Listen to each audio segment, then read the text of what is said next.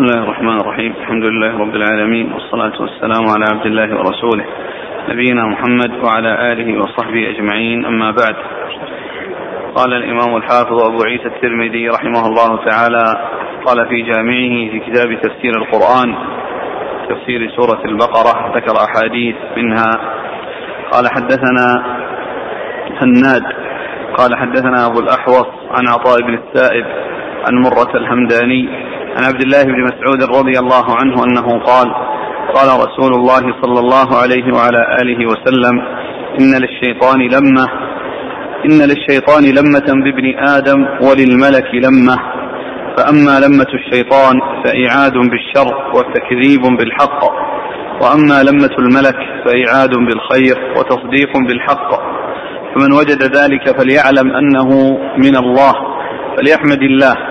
ومن وجد الأخرى فليتعوذ بالله من الشيطان الرجيم. ثم قرأ الشيطان يعدكم الفقر ويأمركم بالفحشاء. قال أبو عيسى هذا حديث حسن غريب وهو حديث أبي الأحوص. لا نعلمه مرفوعا إلا من حديث أبي الأحوص. بسم الله الرحمن الرحيم. الحمد لله رب العالمين وصلى الله وسلم وبارك على عبده ورسوله نبينا محمد وعلى آله وأصحابه أجمعين. أما بعد فهذا الحديث من الأحاديث التي تتعلق بالتفسير في سورة البقرة. وقد مر أحاديث عديدة تتعلق بتفسير بعض الآيات. وهذا الحديث يتعلق بتفسير قول الله عز وجل الشيطان يعدكم الفقر ويأمركم بالفحشاء. ورد في هذا الحديث عن النبي صلى الله عليه وسلم أنه قال إن للشيطان لمه وإن للملك لمه ف فالشيطان فالشيطان يأمر. فالشيطان أما لمة الشيطان فإعاد بالشر وتكذيب بالحق. فأما لمة الشيطان فإعاد بالشر وتكذيب بالحق. وأما لمة الملك ف فإعاد بالخير وتصديق بالحق. فإعاد بالخير وتصديق وتصديق بالحق. والملك والشيطان لعل المقصود من ذلك القرين القرين من الجن والقرين من الملائكة. القرين من الجن والقرين من الملائكة. فإن القرين من الملائكة يأمر بالخير والقرين من الشر من الشياطين يأمر بالشر. وقد جاء في الحديث في صحيح مسلم أن النبي صلى الله عليه وسلم بين أن لكل إنسان قرين من الملائكة وقرين من الجن. وقيل وأنت يا رسول الله قال وأنا إلا أن الله أعانني عليه فأسلم فصار لا يأمرني إلا بخير. فهذا القرين من الملائكة يأمر بالخير وهذا القرين من الجن من الشياطين يأمر بالشر. وما حصل للإنسان من خير أو لمة خير فإنها من الله عز وجل وبفضله وإحسانه. وإذا كان وما كان بخلاف ذلك فإنه من الشيطان وعلى الإنسان أن يتعوذ بالله من الشيطان الذي يأمر بالشر. أحد الحديث. إن للشيطان لمة إن للشيطان لمة بابن آدم وللملك لمة. نعم. فأما لمة الشيطان فإيعاد بالشر وتكذيب بالحق. وأما لمة الملك فإيعاد بالخير وتصديق بالحق. يعني شيئان متقابلان. نعم. فمن وجد ذلك فليعلم أنه من الله فليحمد الله. من وجد ذلك الذي هو الإعاد بالخير والإعاد بالخير الذي هو من الملك. فليعلم أنه من الله ويحمد الله عز وجل على ذلك. وما بكم من نعمة فمن الله. وما بكم من نعمة من الله. فأي نعمة وأي خير فهو من الله سبحانه وتعالى. نعم. ومن وجد الأخرى فليتعوذ بالله من الشيطان الرجيم. ومن وجد الأخرى فليتعوذ من الشيطان الرجيم الذي هو سبب الذي هو سبب الإعادة بالشر والتكذيب بالحق. فليتعوذ بالله من الشيطان الرجيم. فإذا كان الخير يحمد الله عليه ويعلم أنه من الله عز وجل وأنه بفضله وإحسانه وإذا كان غير ذلك الذي هو الإعاد بالشر وهو من الشيطان وعلى الإنسان أن يستعيذ بالله من الشيطان ويستعيذ من نزغات الشيطان. وهذا هو الذي آه الذي أمام الإنسان. إما حمد لله عز وجل على نعمة وعلى خير وإما خلاف ذلك ويتعوذ الإنسان بالله من الشيطان الرجيم. شوف الشارع إيش قال.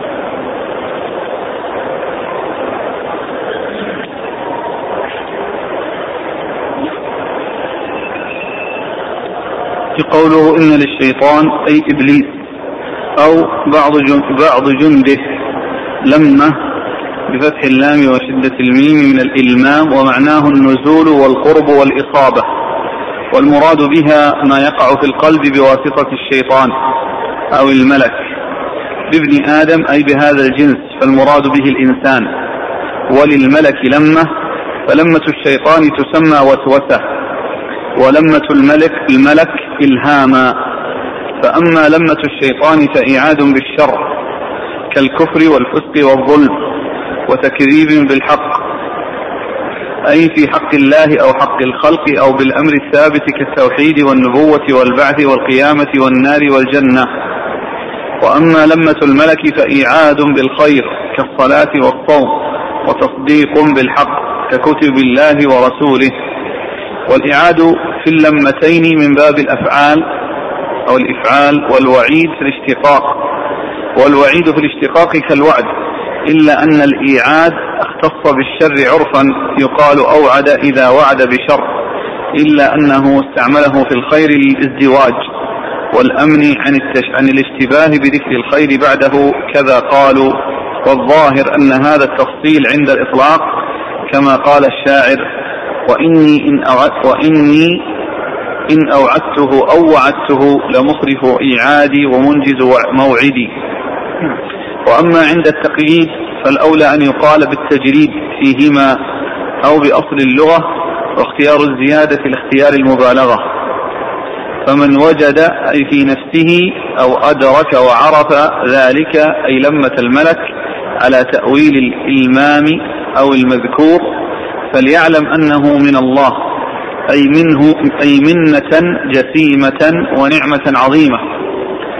ونعمة عظيمة واصلة إليه ونازلة عليه إذ أمر الملك إذ أمر الملك بأن يلهمه.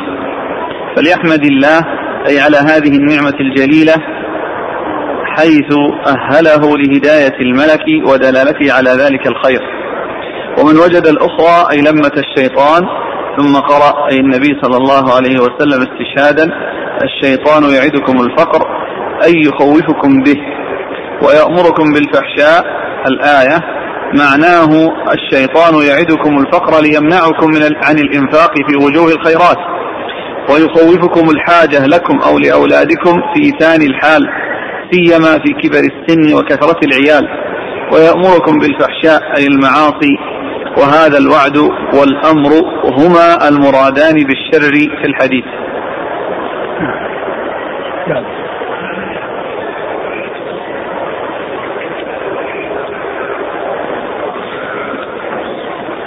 قال حدثنا هناد هناد بن السري ثقة أخرجه البخاري في خلق أفعال ومسلم وأصحاب السنة. عن أبي الأحوص. أبو الأحوص سلام بن سليم الحنفي ثقة أخرج له أصحاب الكتب الستة. عن عطاء بن السائب. وهو صدوق اختلط أخرجه البخاري وأصحاب السنة. عن مرة الهمداني. وهو ثقة أخرج أصحاب الكتب الستة. عن عبد الله بن مسعود. الهذلي رضي الله عنه أخرج له أصحاب الكتب الستة.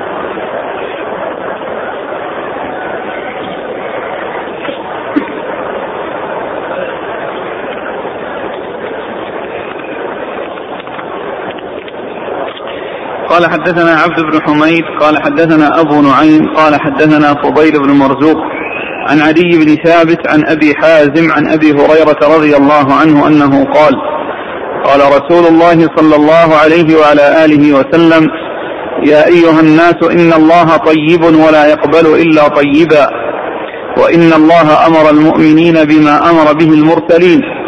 فقال يا أيها الرسل كلوا من الطيبات واعملوا صالحا إني بما تعملون عليم. وقال يا أيها الذين آمنوا كلوا من طيبات ما رزقناكم. قال وذكر الرجل يطيل السفر أشعث أغبر يمد يده إلى السماء.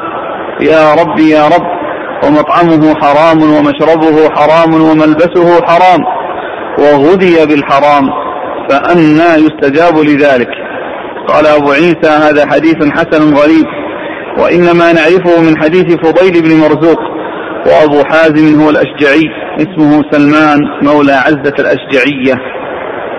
ثم ورد أبو عيسى حديث أبي هريرة رضي الله عنه أن النبي صلى الله عليه وسلم قال إن الله طيب لا يقبل إلا طيبا وإن الله أمر المؤمنين بما أمر به المرسلين قال يا الرسل كل من طيبات وأعماله صالحة بما تعملون عليم.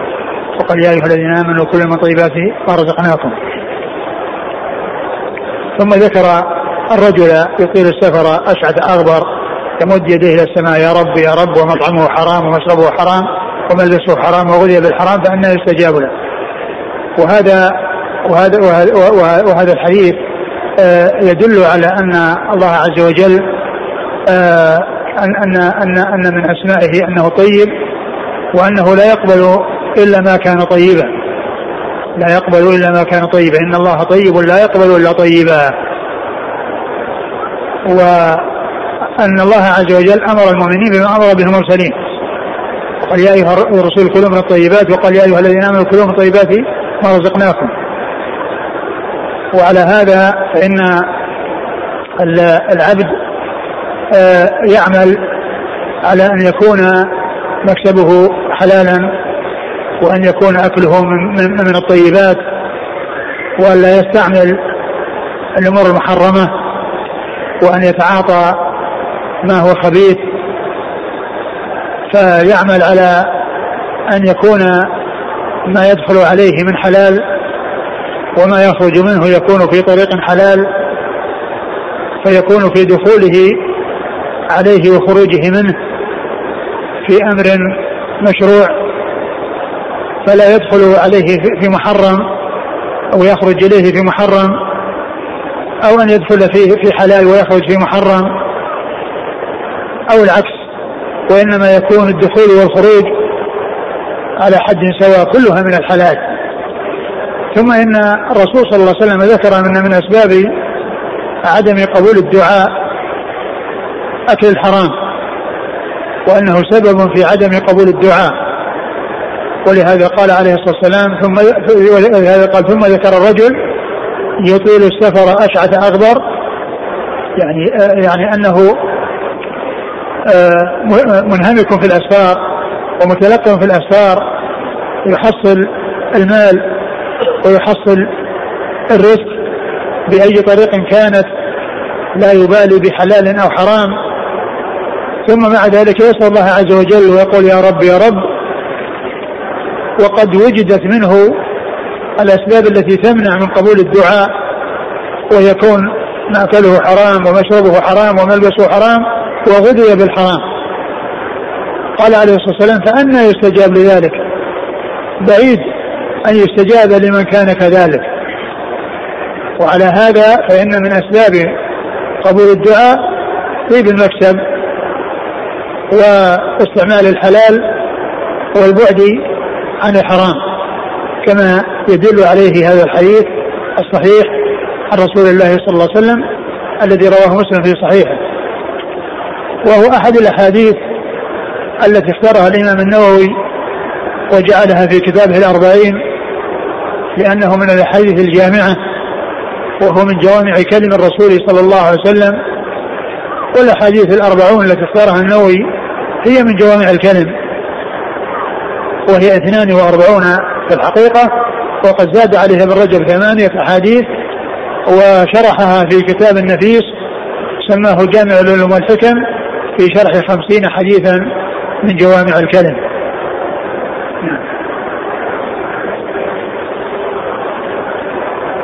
قال حدثنا عبد بن حميد. عبد بن حميد ثقة أخرجه البخاري تعليقا ومسلم والترمذي. عن أبي نعيم. أبو نعيم الفضل بن دكين. وهو ثقة أخرج أصحاب الكتب الستة. عن فضيل بن مرزوق. وهو صدوق أخرج له. البخاري في رفع اليدين ومسلم وأصحاب السنن. نعم. عن علي بن ثابت. وهو ثقة أخرج له أصحاب الكتب الستة. عن أبي حازم. وهو سلمان الأشجعي أخرج له. أصحاب الكتب. نعم. عن أبي هريرة. عبد الرحمن بن صخر الدوسي رضي الله عنه وهو أكثر الصحابة حديثا.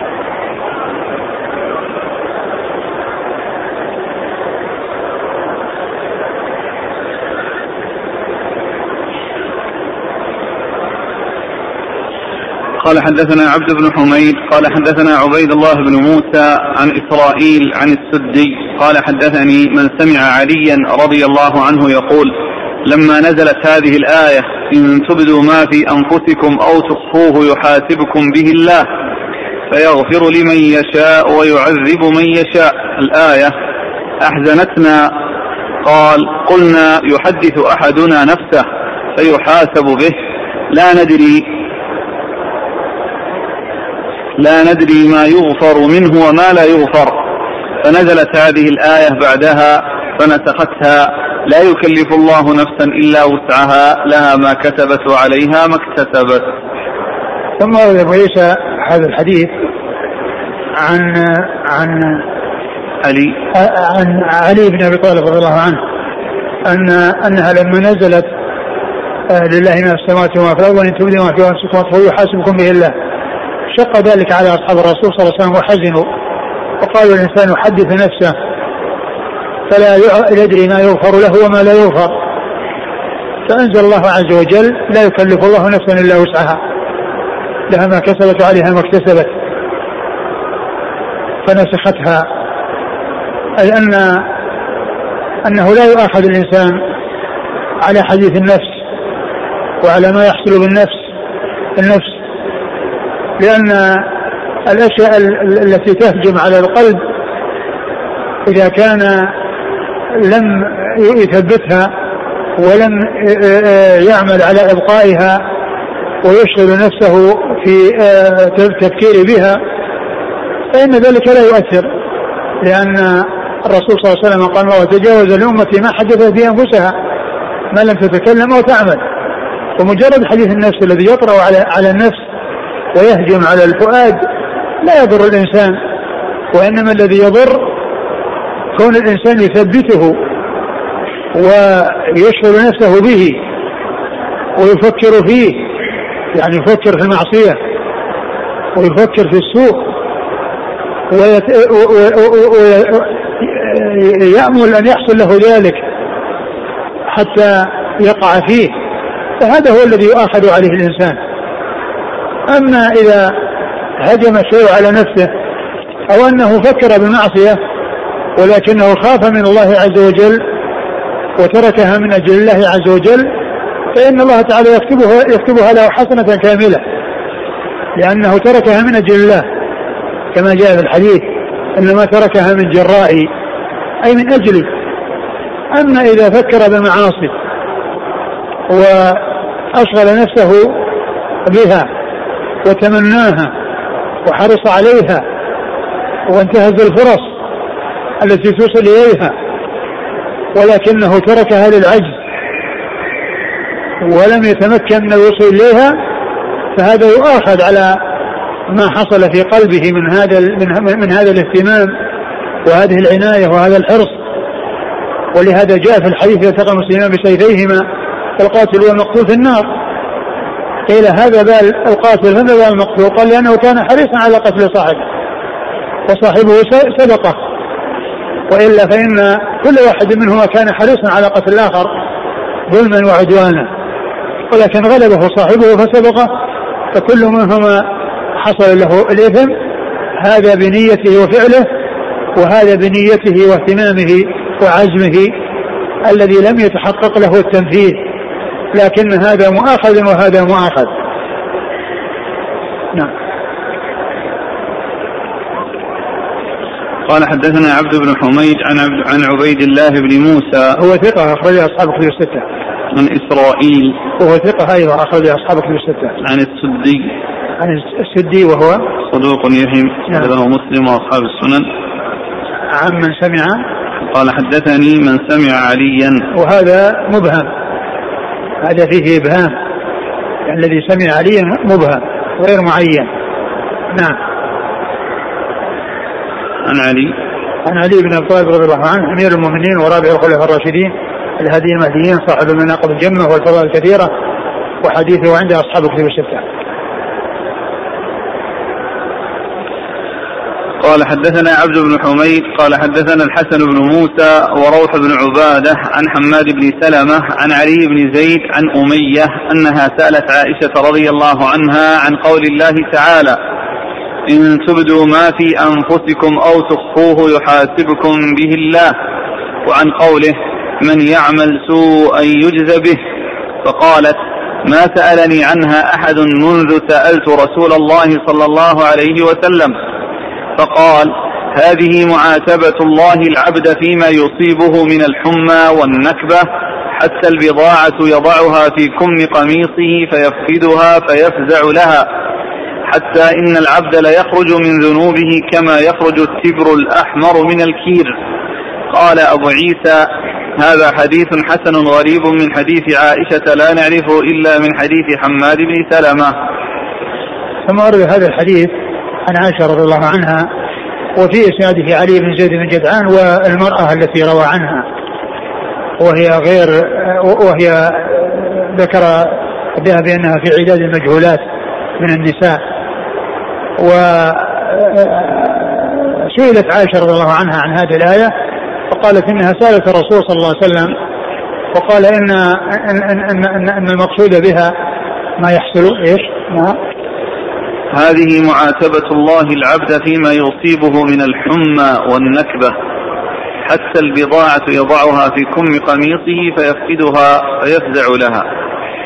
يعني أن أن أن, أن ما يحصل الإنسان من من من, من, من تأثر وحزن و يؤثر عليه فإن ذلك من أسباب من أسباب آه، المغفرة له. وأسباب التجاوز عنه وأن الله تعالى جعل آه، هذه الأمور آه، أسبابا لمغفرة الذنوب كما جاء في الحديث الصحيح عن النبي صلى الله عليه وسلم أنه قال عجبا لأمر المؤمن إن أمره كله له خير إن أصابته سراء فشكر فكان خيرا له وإن أصابته ضراء صبر فكان خيرا له وليس ذلك لأحد إلا المؤمن. فأي آه، أي شيء يؤثر على الإنسان فإنه يكون من أسباب مع حصول صبره يكون من أسباب آه، آه، المغفرة له والتجاوز. والحديث في إسناده علي بن زيد بن جدعان وفيه هذه المرأة التي هي مجهولة. نعم. قال حدثنا عبد بن حميد عن الحسن بن موسى هو ابن أشيب ثقة أخرج أصحاب كتب الستة.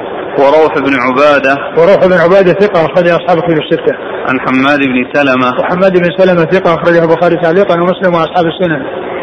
عن علي بن زيد وهو ضعيف أخرج له أخرج المفرد ومسلم وأصحاب السنن. نعم. عن أمية وهي مجهولة أخرج لها أبو داود والترمذي نعم. عن عائشة نعم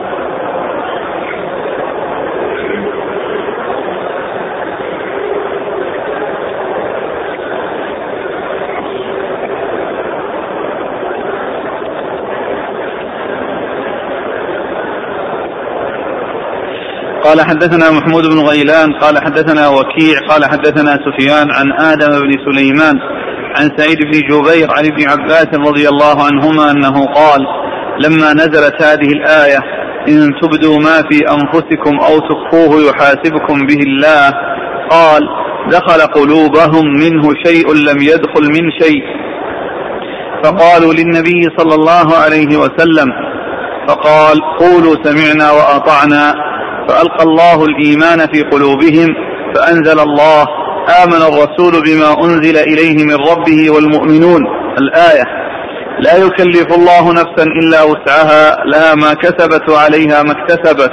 ربنا لا تؤاخذنا إن نسينا أو أخطأنا. قال قد فعلت. ربنا ولا تحمل علينا إصرا كما حملته على الذين من قبلنا. قال قد فعلت. ربنا ولا تحملنا ما لا طاقة لنا به. واعف عنا واغفر لنا وارحمنا. الآية قال قد فعلت. قال أبو عيسى هذا حديث حسن وقد روي هذا من غير هذا الوجه عن ابن عباس. وآدم بن سليمان هو والد يحيى بن آدم.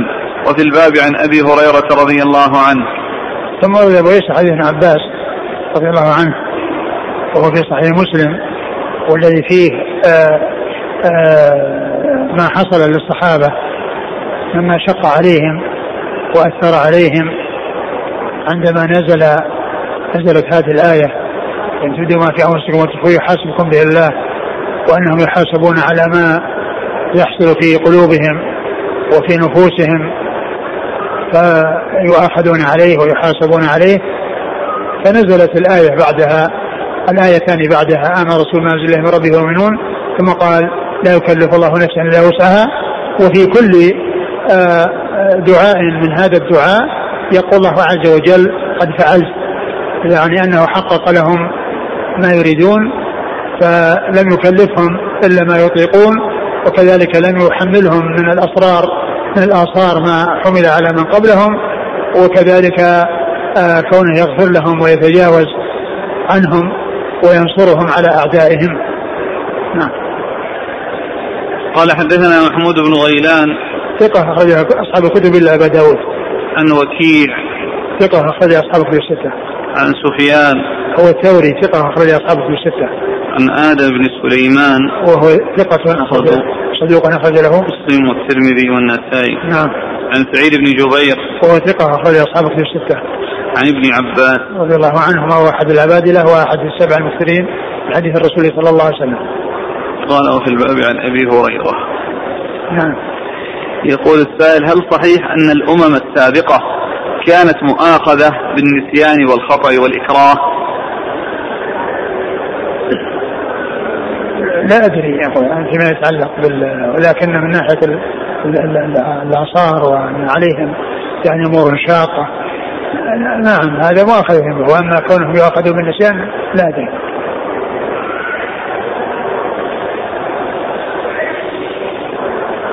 قال رحمه الله تعالى باب ومن سورة آل عمران. قال حدثنا محمد بن بشار. قال حدثنا أبو داود الطيالسي. قال حدثنا أبو عامر وهو الخزاز. ويزيد بن إبراهيم كلاهما عن ابن أبي مليكة. قال يزيد عن ابن أبي مليكة عن القاسم بن محمد عن عائشة رضي الله عنها. ولم يذكر أبو عامر القاسم. قالت سألت رسول الله صلى الله عليه وسلم عن قوله فأما الذين في قلوبهم زيغ فيتبعون ما تشابه منه ابتغاء الفتنة وابتغاء تأويله. قال فإذا رأيت فإذا رأيتيهم فاعرفيهم. وقال يزيد فإذا رأيتموهم فاعرفوهم. قالها مرتين أو ثلاثا قال أبو عيسى هذا حديث حسن صحيح. قال حدثنا عبد بن حميد قال أخبرنا أبو الوليد الطيالسي قال حدثنا يزيد بن إبراهيم قال حدثنا ابن أبي مليكة عن القاسم بن محمد عن عائشة رضي الله عنها أنها قالت سئل رسول الله صلى الله عليه وسلم عن هذه الآية هو الذي أنزل عليك الكتاب منه آيات محكمات إلى آخر الآية. فقال رسول الله صلى الله عليه وعلى آله وسلم إذا رأيتم الذين يتبعون ما تشابه منه فأولئك الذين سماهم الله فاحذروهم. قال أبو عيسى هذا حديث حسن صحيح وروي عن أيوب عن ابن أبي مليكة عن عائشة. هكذا روى غير واحد هذا الحديث عن ابن أبي مليكة عن عائشة ولم يذكروا فيه عن القاسم بن محمد.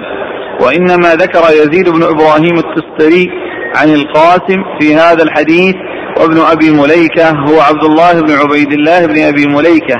سمع من عائشة أيضا.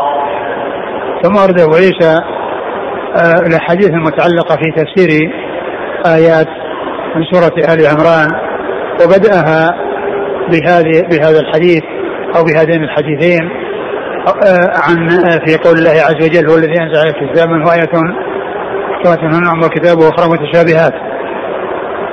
وهذه الآية الكريمة فيها أن القرآن فيه محكم ومتشابه. يعني قال هن في آيات محكمات هن أم الكتاب وأخرى متشابهات. ففيه تقسيم القرآن إلى محكم وإلى متشابه. وجاء في أول سورة هود أن القرآن كله محكم كتاب أحكمت آياته. وجاء في سورة الزمر أنه كله متشابه. الله نزل أحسن الحديث كتابا متشابها. وهناك تشابه عام وإحكام عام وإحكام خاص وتشابه خاص. فالإحكام العام الذي جاء في سورة هود أي أنه كله محكم ومتقن لأنه من عند الله عز وجل هو متصف بهذا الوصف الذي هو تمام الإحكام والإتقان لأنه تنزيل من عند, من, من عند الله سبحانه وتعالى. وفي سورة الزمر أنه كله متشابه أي أنه يشبه بعضه بعضا في الحسن. يشبه بعضه بعضا في الحسن. وأما هذه الآية فيها تقسيمه إلى محكم ومتشابه. المحكم هو الواضح الجلي الذي لا خفاء فيه ولا اشتباه فيه. والمتشابه هو الذي فيه اشتباه وليس واضحا جليا كالمحكم. فأهل الحق يردون المتشابه إلى المحكم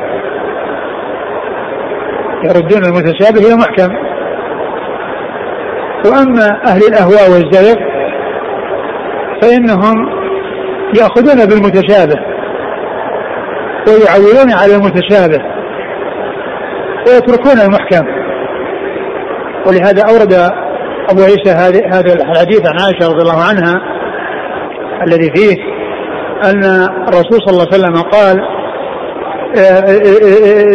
إذا رأيتم الذين يتبعون المتشابه فاعرفوهم أو فاعرفيهم وقالت عائشة أن النبي صلى الله عليه وسلم قال آه، فأمل في قلوب الزوجة ما شاء قال أولئك الذين سمى الله فاحذروهم أولئك الذين سمى الله فاحذروهم أي الذين يتبعون المتشابه وهذه الآية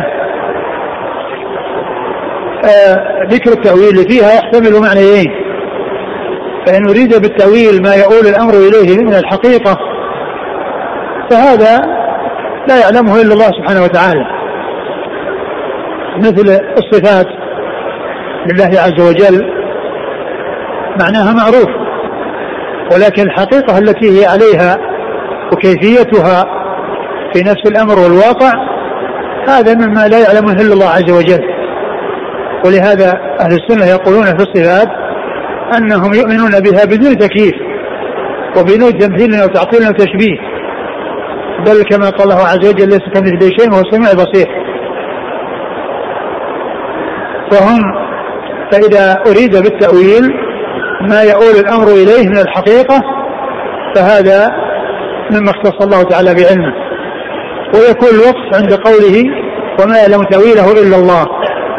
ثم يأتي يستأنف الكلام و والراسخون في العلم يقولون يكون قوله يقولون خبر لقوله الراسخون وإذا أريد بالتفسير بالتأويل التفسير ومعرفة المعنى الذي يمكن معرفته بتفسير آه، آه، القرآن بالقرآن أو بالسنة أو بما تدل عليه اللغة وما يقتضيه كلام أهل اللغة. فيكون العطف عطف قوله سبحانه وتعالى الراسخون في العلم على على قوله إلا الله. يعلم تأويلها إلا الله والراسخون في العلم يعني يعلمون تأويله قائلين. فتكون يقولون هذه حال.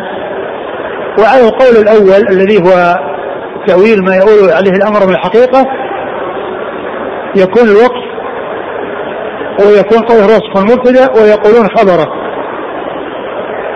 وعلى هذا فكلمة التأويل قوله وما يعلم تأويله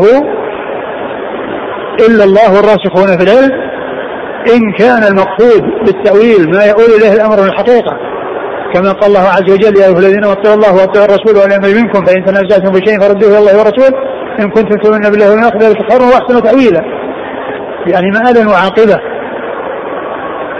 وإذا أريد به التفسير وبيان المعنى فإن الراسخين فإن الراسخين في العلم يعلمون.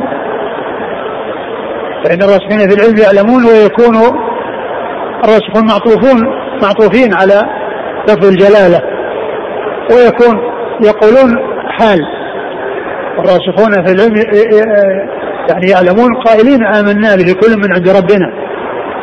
فهم يردون المتشابه إلى المحكم. ولا يتركون المحكم ويأخذون بالمتشابه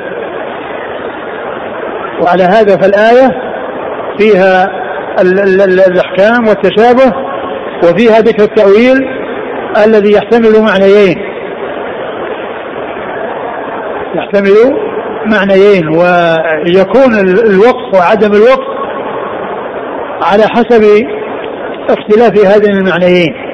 وإما أن يكون وقفا على إلا الله ويكون مقصود به ما يقول إليه الأمر من الحقيقة وإما أن يكون بمعنى التفسير الذي برد المتشابه المحكم حتى يعرف ويكون هذا من قبيل التأويل الذي هو من التفسير.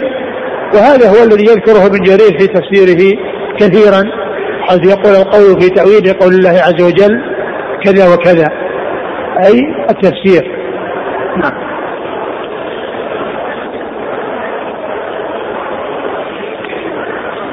قال حدثنا محمد بن بشار هو الملقب بن دار ثقة أخرجه أصحاب في الستة. عن أبي داود الطيالسي ثقة أخرجه البخاري تعليقا ومسلم وأصحاب السنن. عن أبي عامر الخزاز وهو صدوق كثير الخطأ أخرجه البخاري تعليقا ومسلم وأصحاب السنن. نعم. ويزيد بن إبراهيم يزيد إبراهيم هو ثقة أخرجه أصحاب الكتب. نعم. كلاهما عن ابن أبي مليكة وهو ثقة أخرجه أصحاب في الستة. قال يزيد عن ابن أبي مليكة عن القاسم بن محمد عن عائشة. القاسم بن محمد هو ابن أبي بكر وهو احد فقهاء المدينة السبعة في عصر التابعين ثقة اخرجها أصحاب كتب الستة. وعائشه وعائشة. أم المؤمنين رضي الله عنها هي آآ آآ أم المؤمنين الصديقة بنت الصديق وهي ممن أكثر روايه عن رسول الله صلى الله عليه وسلم وهي عمته عمة القاسم. نعم. ولم يذكر أبو عامر القاسم. نعم. قال حدثنا عبد بن حميد عن أبي الوليد الطيالسي. أبو الوليد الطيالسي هو هشام بن عبد الملك وهو ثقة. أخرج له أصحاب كتب الستة. عن يزيد بن إبراهيم عن ابن أبي مليكة عن القاسم بن محمد عن عائشة. نعم. قال وروي عن أيوب عن ابن أبي مليكة. أيوب هو ابن تميم السختياني. بن أبي تميم السختياني ثقة. اخرجه أصحاب كتب الستة. آيات الصفات. من أي القسمين؟ ايات الصفات هي من المحكمات الواضحة يعني من حيث المعاني. أما من حيث الكيفيات فلا يعلمها إلا الله سبحانه وتعالى. كيفيتها؟ كما جاء عن عن الإمام مالك الاستواء معلوم والكيف مجهول. الاستواء معلوم فهو من قبيل المحكم والكيف مجهول الكيفية التي هو عليها وما يؤول الأمر يعني فيها على حقيقتها هذا لا يعلمه إلا الله سبحانه وتعالى فآيات الصفات هي من المحكم وليست من المتشابه هل المتشابه أمر نسبي أم حقيقي بمعنى هل هناك آية لا يمكن معرفة معناها إيش؟ هل التشابه أو المتشابه أمر نسبي أم حقيقي؟ بمعنى هل هناك آية لا يعرف معناها؟ الذي لا يعرف معناها بالتحديد هي الحروف المقطعة. الله أعلم بمراده بها. لكن كون القرآن يذكر بعدها مباشرة في أكثر السور وفي أثناء السورة أو في آخرها في بعض السور التي لم يأتي ذكر القرآن بعد الحروف مقطعة مباشرة استنتج العلماء على أن المقصود من إيرادها وذكرها الإعجاز وأن القرآن معجز وذلك أن القرآن مؤلف من الحروف التي يؤلف منها الناس كلامهم ومع ذلك هم فهم لا يستطيعون أن يؤلفوا من هذه الحروف كلاما مثل هذا الكلام.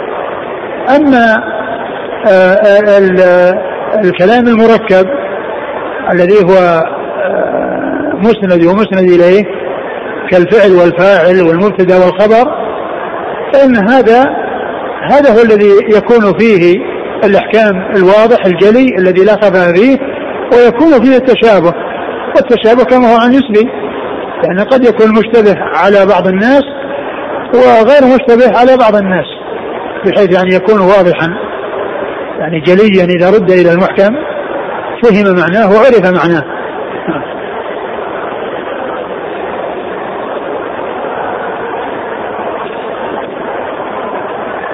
في قول ابن عباس يجدون رقة عند محكمه ويهلكون عند متشابهه مراده بذلك هل آيات الصفات؟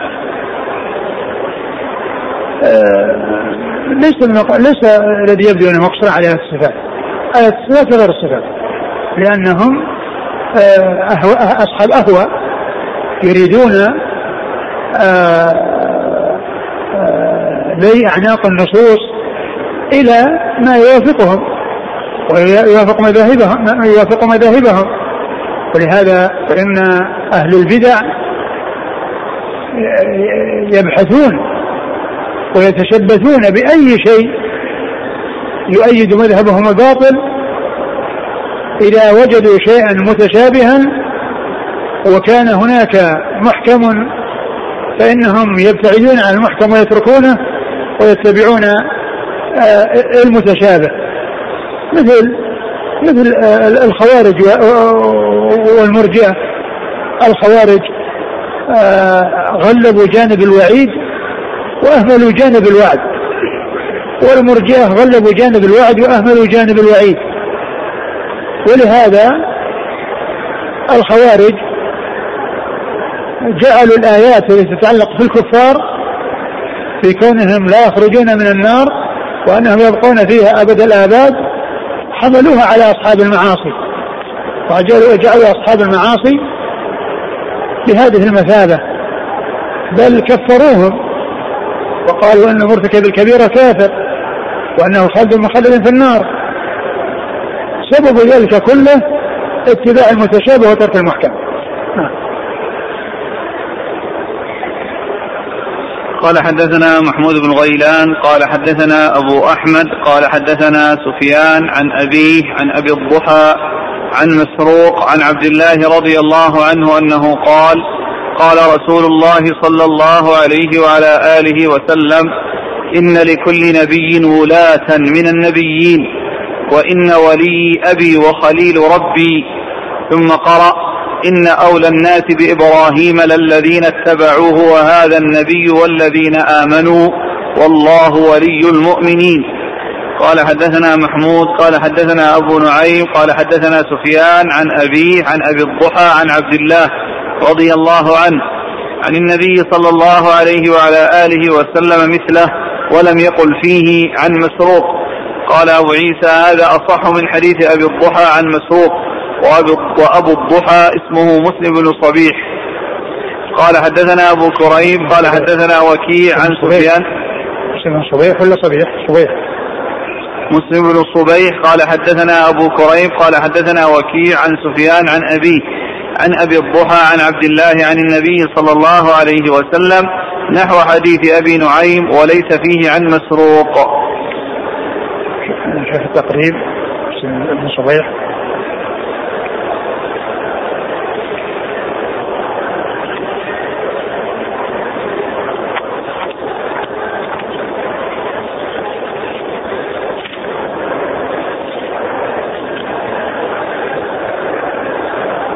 نعم وفيه اللي في التكبير صبيح لكن الربيع. الربيع بن صبيح.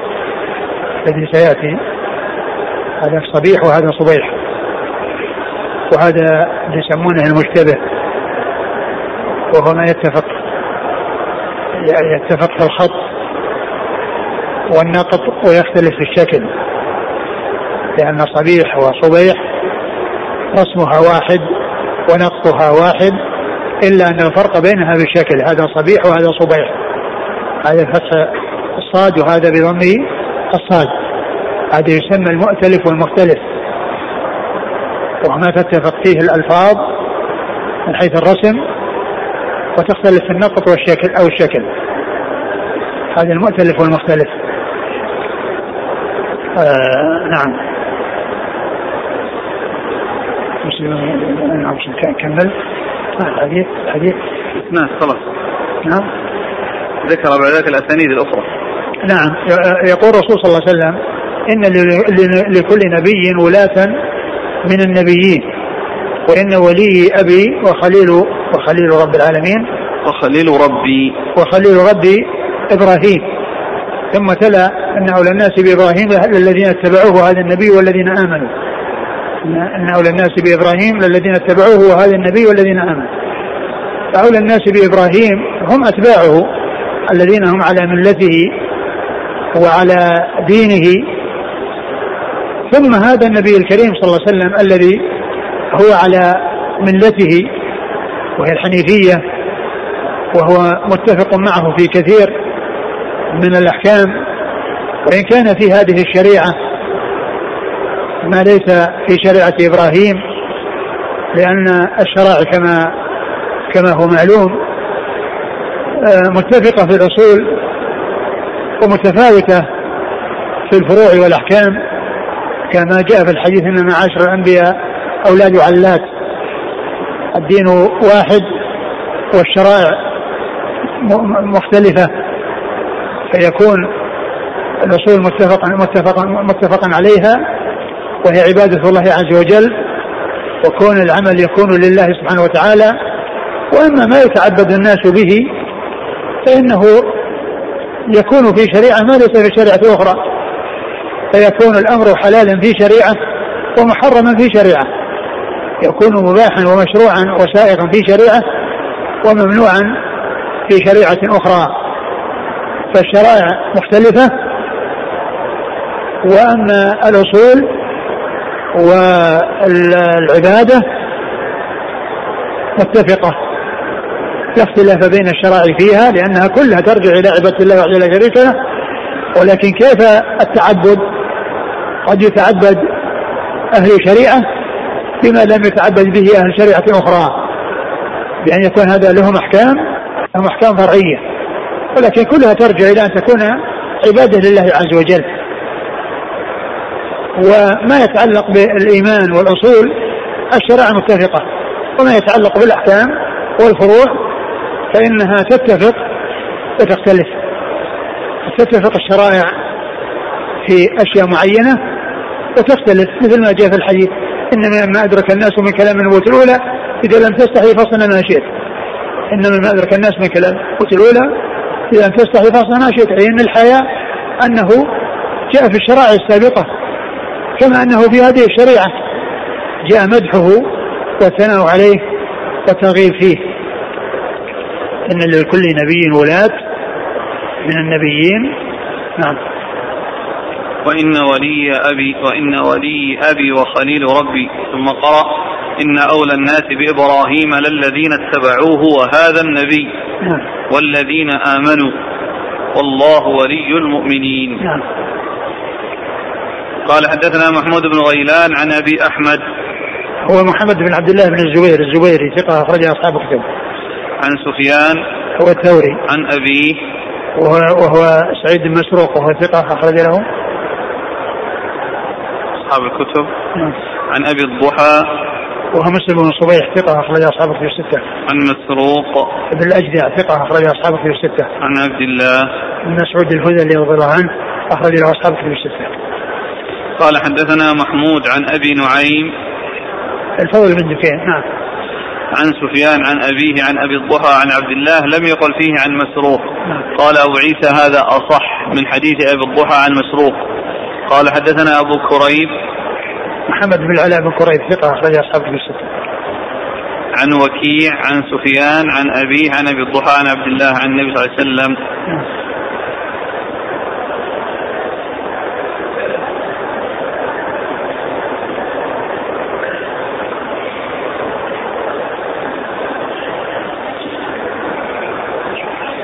قال حدثنا هناد قال حدثنا أبو معاوية عن الأعمش عن شقيق بن سلمة عن عبد الله رضي الله عنه أنه قال قال رسول الله صلى الله عليه وعلى آله وسلم من حلف على يمين هو فيها فاجر ليقتطع بها مال امرئ مسلم لقي الله وهو عليه غضبان. فقال الأشعث بن قيس في والله كان ذلك كان بيني وبين رجل من اليهود أرض فجحدني فقدمته إلى النبي صلى الله عليه وسلم فقال لي رسول الله صلى الله عليه وسلم ألك بينة؟ فقلت لا. فقال اليهودي احلف. فقلت يا رسول الله إذا يحلف فيذهب بمالي. فأنزل الله تبارك وتعالى إن الذين يشترون بعهد الله وأيمانهم ثمنا قليلا. إلى آخر الآية. قال أبو عيسى هذا حديث حسن صحيح وفي الباب عن ابن أبي أوفى. ثم ذكر هذا الحديث في قول الله عز وجل الذين اشتروا بعبد الله وايمانهم ثمنا قليلا وأن النبي صلى الله عليه وسلم قال من حلف على يمين كاذبة يقتطع بها مال امرئ مسلم لقي الله وهو عليه غضبان. لقي الله وهو عليه غضبان. وهذا يدل على آه، أن الله عز وجل متصف بهذه الصفة التي هي صفة الغضب وأن من حصل منه هذا العمل الذي هو حلفه كاذبا من أجل أن يحصل مالا لغيره هو ليس له بحق وإنما هو مبطل فيه فإنه يلقى الله عز وجل وهو عليه غضبان لأنه أكل مال غيره بالباطل ولأنه حلف بالله عز وجل وهو كاذب من أجل أن يحصل هذا السحت. فقال الاشعري بن قيس أنها فيه نزلت وأنه كان آه له حق على يهودي وأنه آه رفع امره إمره إلى الرسول صلى الله عليه وسلم فقال ألك بينة؟ فلم يكن عنده. فقال اذا يحلف. قال اذا يذهب بمالي. فأنزل الله عز وجل هذه الآية الكريمة. وهذا يدل على أن أنه عند الاختصام. فإن المدعي عليه البينة التي تثبت حقه. والمدعى عليه إما أن يقر وهذا لا يحتاج إلى بينة إذا وجد الإقرار فإن إقراره كاف في ثبوت الحق عليه. وإن كان آه لم يقر ولم يحضر المدعي شهودا ولم يكن للبي المدعي بينة فإن اليمين تتوجه إلى المدعى عليه سواء كان مسلما أو كافرا لأنه ليس أمام الناس إلا هذا الشيء مجرد الدعاوى لا تكفي. قال عليه الصلاة والسلام لا يعطى الناس بدعواهم لا ادعى رجالنا ولا بقوم ودماهم لكن البينة على المدعي واليمين على المدعى عليه. فإذا لم يحضر المدعي شهودا ولم يكن عنده بينة فإن مجرد دعواه لا يثبت بها الحق. حتى يقر المدعى عليه أو يحلف فيبرأ أو ينكل أو يحصل له النكول فيقضى عليه لكونه لم يحصل منه الحلف على نفي ما ادعي عليه به. نعم. قال حدثنا هناد عن أبي معاوية. أبو معاوية محمد بن خازم الضرير الكوفي ثقة أخرج أصحاب كتب الستة. عن الأعمش. سليمان بن مهران ثقة أخرج أصحاب كتب الستة. عن شقيق بن سلمة. وهو أبو وائل. كنيته أبو وائل وهو مشهور بكنيته ويأتي ذكره باسمه كما هنا وهو ثقة مخضرم أخرج له أصحاب كتب الستة. عن عبد الله. نعم. قال وفي الباب عن ابن أبي أوفى. أخرج له أصحاب كتب الستة. عبد الله بن أبي أوفى أخرج له أصحاب كتب الستة.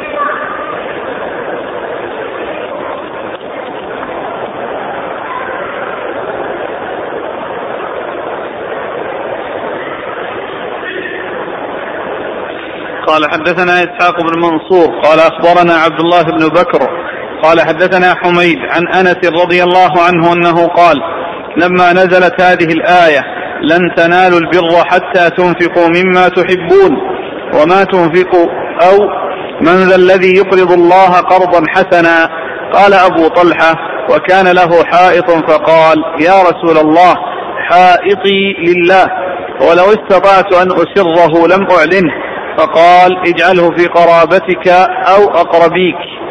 قال أبو عيسى هذا حديث حسن صحيح. وقد رواه مالك بن أنس عن إسحاق بن عبد الله بن أبي طلحة عن أنس بن مالك رضي الله عنه. ثم ورد أبو عيسى هذا الحديث عن أنس رضي الله عنه يقول الله عز وجل أنت لا البر حتى تنفقوا ما تحبون.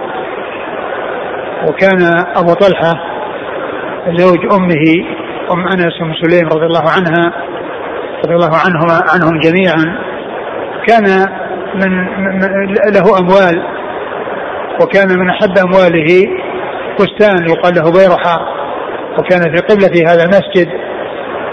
فلما نزلت الآية قال إنه لله عز وجل وأنه خرج منه وتصدق به وجعل إلى الرسول صلى الله عليه وسلم أن يضعه حيث شاء. فالنبي صلى الله عليه وسلم قال ألا أرى أن تجعله في الأقربين؟ أي أقربائك وهذا يدل على أن حق الناس ببر الإنسان أقربائه لأن الصدقة على القريب صدقة وصلة يعني فيها شيئان. هي صدقة وهي صلة رحم. فجمعت أو جمع فيها بين هاتين الخصلتين المحمودتين. كونه تصدق على على غيره وكان كانت هذه الصدقة على قريبه فتكون بذلك جمع فيها يكون بذلك جمع فيها بين الصدقة والصلة. فالرسول صلى الله عليه وسلم أرشده إلى أن يجعلها في أقربائه فجعلها في أقربائه ومنهم حسان بن ثابت. نعم. قال حدثنا إسحاق بن منصور هو الكوسج ثقة أخرج أصحاب الكتب إلا أبا داود. عن عبد الله بن بكر. وهو ثقة أخرج له. أصحاب الكتب. نعم. عن حميد. حميد بن أبي حميد الطويل ثقة أخرج له أصحاب الكتب الستة. عن أنس. أنس رضي الله عنه وهذا الإسناد رباعي. من أعلى الأسانيد عند الترمذي. وقد رواه مالك بن أنس. إمام دار الهجرة. نعم. عن إسحاق بن عبد الله بن أبي طلحة. وهو ثقة أخرج أصحاب الكتب الستة. قال حدثنا عبد بن حميد قال أخبرنا عبد الرزاق قال أخبرنا إبراهيم بن يزيد قال سمعت محمد بن عباد بن جعفر المخزومي يحدث عن ابن عمر رضي الله عنهما أنه قال قام رجل إلى النبي صلى الله عليه وسلم فقال من الحاج؟ من الحاج يا رسول الله؟ قال الشعث التفل. فقام رجل آخر فقال أي الحج أفضل؟ قال العج والسج فقام رجل آخر فقال ما السبيل يا رسول الله؟ قال الزاد والراحلة. قال أبو عيسى هذا حديث لا نعرفه من حديث ابن عمر إلا من حديث إبراهيم بن يزيد الخوزي المكي. وقد تكلم بعض أهل الحديث في إبراهيم بن يزيد من قبل حفظه. فمر أبو عيسى هذا الحديث أن النبي صلى الله عليه وسلم عن الحاج. من هو الحاج؟ فقال فقال ال ال ال الشعث. الشعث التفل. الشعث الذي هو أشعث الشعر. يعني مغبرا شعره والتفل الذي آه، رائحته يعني غير يعني حسنة بسبب آه، كثرة أستاره وكثرة آه، واشتغاله في العبادة يعني سفر في الحج. والحديث ضعيف. لكن جملة الجملة الوسطى من الحديث الذي هو العج والثج هي ثابتة بطريق آخر عن رسول الله صلى الله عليه وسلم. العج هو رفع الصوت بالتلبية والثج الذي هو نحر الهدي وإسالة دماء الهدي تقرب إلى الله عز وجل. وكذلك أيضا الزاد والراحلة يعني آه، جاء بهذا الإسناد وفيه ضعف. وأما الجملة الوسطى من الحديث فقد جاءت في حديث آخر صحيح.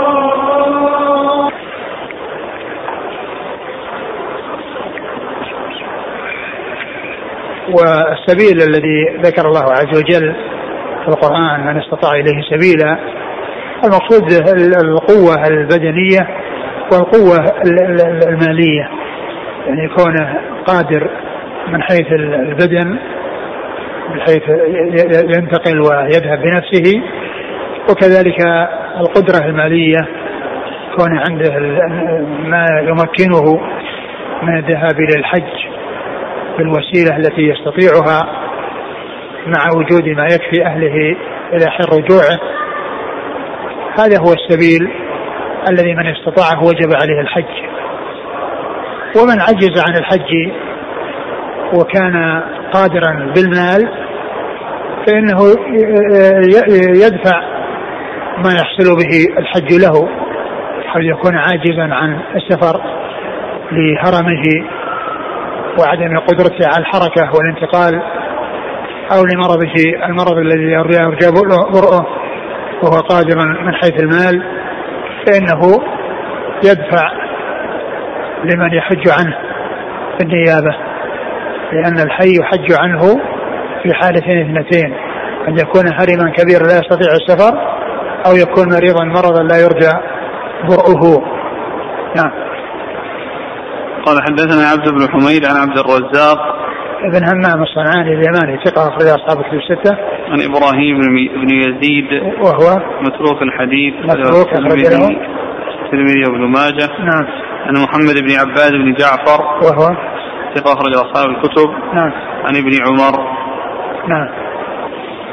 قال حدثنا قتيبة قال حدثنا حاتم بن إسماعيل عن بكير بن مسمار هو مدني ثقة عن عامر بن سعد بن أبي وقاص عن أبيه رضي الله عنه أنه قال لما أنزل الله هذه الآية ندعو أبناءنا وأبناءكم دعا رسول الله صلى الله عليه وسلم عليا وفاطمة وحسنا وحسينا فقال اللهم هؤلاء أهلي قال أبو عيسى هذا حديث حسن غريب صحيح ثم أبو عيسى هذا الحديث في آية المباهله وأن النبي صلى الله عليه وسلم دعا عليا وفاطمة والحسن والحسين وغطاهم في كسى وقال هؤلاء أهلي و